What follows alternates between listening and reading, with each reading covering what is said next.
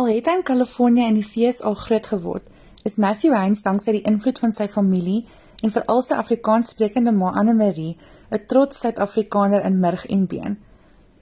Ondanks die positiewe invloed het hy egter nooit sy ma se moedertaal onder die knie gekry nie en gaan hy nou danksy die hulp van 5FM, Viva en RSG Afrikaans behoorlik op sy tong laat dans. Matthew, jy het nou die ongelooflike ervaring gehad om jou verhaal met 5FM luisteraars reg oor die land te deel. Vertel vir ons, is dit die reaksie wat jy gedink het hierdie storie gaan kry? I honestly, when I first contacted uh, 5FM, I mean, it was for like a, a little, hey, you know, kind of, you know, you know, like a kind of a what can we do for you, like, you know, what what kind of little dream can we make come true kind of segment. And it was just so kind of, I, I mean, I didn't even mean to. I mean, once I when I sent the the WhatsApp voice note, I was like, "Ah, man, why did I do that?" And I, I mean, honestly, I didn't even think uh, it would get any sort of response, and I've been overwhelmed with uh, with how much people have have uh, wanted to help me out with this little quest of mine. It's been, I mean, heartwarming is an understatement. Hoe het dit gebeur dat jy Suid-Afrikaanse ouers het maar in die VSA groot geword het? As it was, my my father worked for IBM in Cape Town. And this was in uh, 19. Oh, I mean, he started there, you know, in the in the mid 70s, and, and this was in 1980. Uh, 1980, um, and then they he was kind of transferred, actually more more or less a job opportunity in uh, in the states. And uh, him and my mother had both had pr- uh, previous marriages, and so my mom had two oh. kids and my my dad had one kid. And with with her kids becoming you know you know a little bit at this time my oldest brother was was going to be turning 10 and my my uh sister was going to be turning 5 and my dad's my dad's son was going to be turning 7 and they decided that with the the opportunity to um you know get out of South Africa during that you know political time and go to the states was you know they took the opportunity. So that was basically how my dad proposed. And so they were married they were married at a courthouse here in cape town. And um then they moved to a little dusty a dusty little town in california called silicon valley. Um unbeknownst to my mom she was pregnant with me. I was a, a, a welcome home moving surprise for them in california. So um yeah my dad was a software uh, software developer and so he uh, left IBM in Cape Town and uh, start, worked for a, a, a sister company of IBM's in the states in California. So yeah, my my um, my brothers and uh, my brothers and sister, uh, my my mom's kids grew up, you know, uh, also very proper Afrikaans. But when they moved to the states, um, all my my siblings did the best they could to try to be as American as they could. So really mm-hmm. funny. My oldest brother would watch John Wayne cowboy movies Wow. And to try to lose his South African accent, and he didn't realize that all he sounded like was an Afrikaans John Wayne. We have we have early early home video, and it's I mean it's one of the things that I we we laugh so hard. I mean to the point where yeah, it, it's still upsetting to him, but it's I mean one of the funniest things you'll ever hear. Goed, so het jy as kind steeds baie kom kuier in Suid-Afrika en blootstelling aan Afrikaans gehad? 100%. So we came um my my grandparents, my mom's parents, um her father um, uh, way back when in the uh, 70s and early 80s uh, was uh, a senior executive for Barclays Bank. And so we, uh, they were fortunate enough to be able to um, fly us back to South Africa every year. So okay. during our during our school holidays in the states, which is uh, uh, basically the entire of July and August, um, we would come to South Africa and stay oh, wow. um, for the majority of the time in Rustenburg and then uh, my aunt, my mom's sister lived in Peter so we would, and my other grandparents lived in uh, Durban, so we kind of stayed in that neck of the woods. It, it was, it was, you know, growing up. I mean, I just, I didn't realize how lucky I was. I just, and uh, I had never, actually, had never been to Cape Town until uh, about seven years ago. But growing, I mean, growing up in California and all my friends, it was funny because they would always say, "Man, your parents have such cool accents," and I never, I could never hear my parents' accents. They sounded normal to me. I mean, my parents just sounded you know, just like mom and dad. And I said, what are you talking about? But when I would come to South Africa, I mean, obviously I could hear, you know, a South African accent. It's just my parents didn't sound like that to me. Presies hoe beperk is jou Afrikaanse vaardighede? I I I knew I knew enough Afrikaans um for the wrong reasons, let's just say. My mom my mom uh was she like like I'd said she was the mom of four four children and I was the baby, so there was um, Afrikaans vernaculars that were, were yelled at me Mhm. quite, quite often. And it was very funny because my friends would often say, "Man, what is she saying?" And I said, "Oh, nothing. Don't worry, but I got to go now." And my mom was teeny. Uh, She passed away six years ago, um, but she was teeny. But because she was so Afrikaans and just so powerful, she, I mean, she may as well have just been, I mean, just just as a massive giant of a person because that's how she acted. I, I can already say that I know I, I know how to swear perfectly in Afrikaans.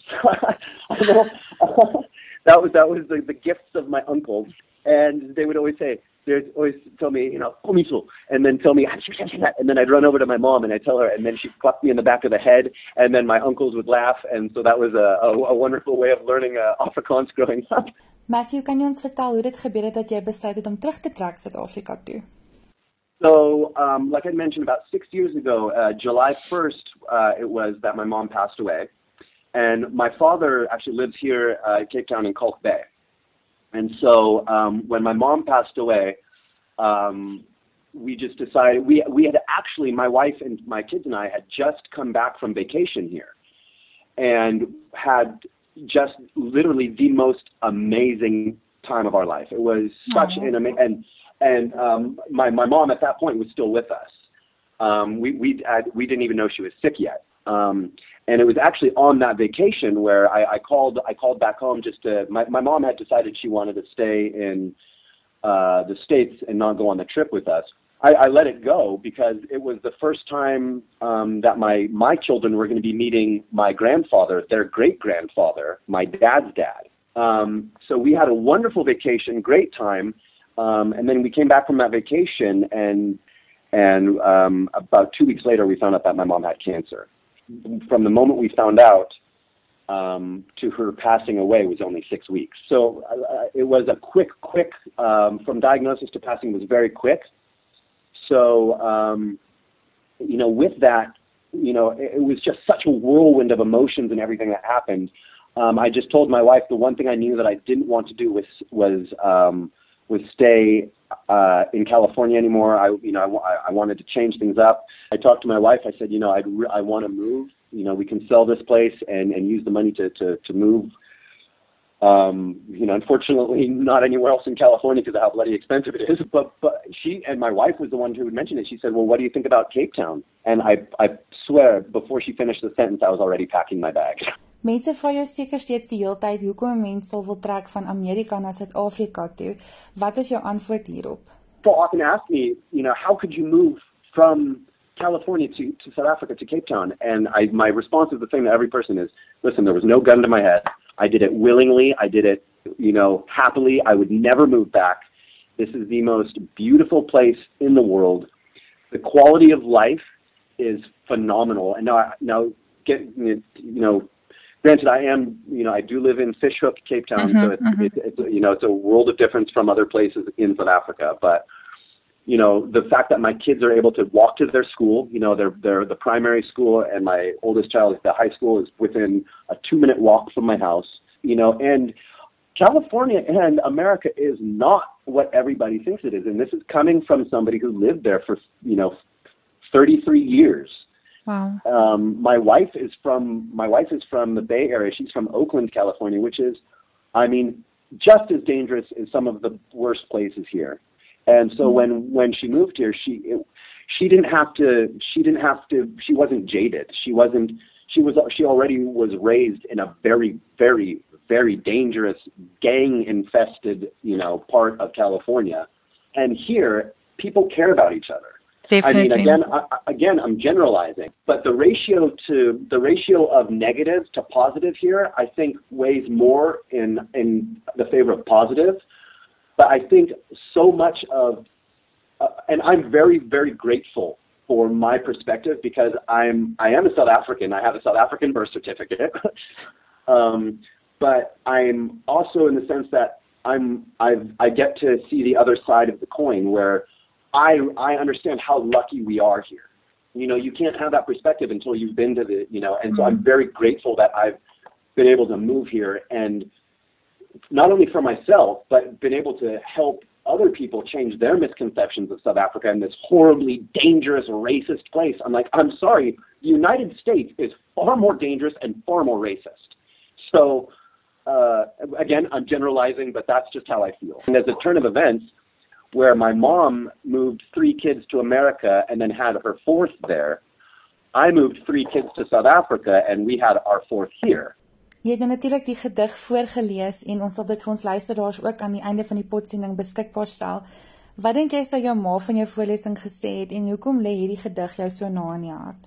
I think um she, from the feedback that I've gotten, she would have um my cousins and, and a few people heard me and they said I sounded I I sounded like I was Dutch speaking Afrikaans. And and so uh, having that feedback, my mom would have said you need to work on your pronunciation immediately. But I know she would have been she would have been proud for me taking the the leap. Um, also, it's fun because as as kind of uh, I don't want to say dark because I that's just I don't I you know I don't personally agree with that, but it's kind of um, I, I don't know the, the the right word for it, but the, the the tone of the poem, I guess, is is so true to how my mom and I were because even though I say I was kind of a mama's boy and whatnot, um, she was very much you know it, it, her love was strong, it was unbreakable, but it was it was you know don't trifle with it. Don't don't don't think that you know don't play her for a fool. She had an expression again. I I mean I can't even say that. There was she she she she was very um she was just very cut and dry. I mean that's the best way to mm-hmm. put it. She was just mm-hmm. very cut and dry um, but when she was on your side, she was the only person you needed on your side, and oh. that that was that was the brilliant thing about her.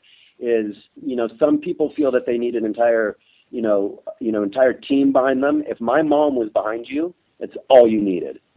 Goed, so wat is jou planne nou vorentoe om hierdie taal onder die knie te kry? So um, Sue, who uh, works at um, RSGF, she um, has uh, offered for me to reach out to her when I uh, if if I need help at all. And I'm going I'm going remedial here. I'm actually going to reach out to my uh, primary school son's Afrikaans tutor. Wow. And and um, ask if she will um, outside of his tutoring, if she'll tutor me for um, uh, two to I want I'm hoping to do uh, two to three hours a week.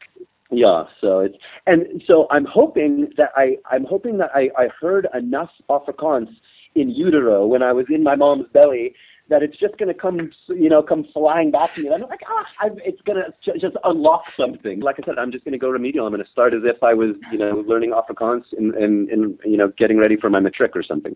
I want to be able to converse in Afrikaans. I want to be able to give Afrikaans the respect it deserves. I want to give it you know, the respect that I would, you know, I would, my dream would have been to, um, sorry, I'm getting choked up.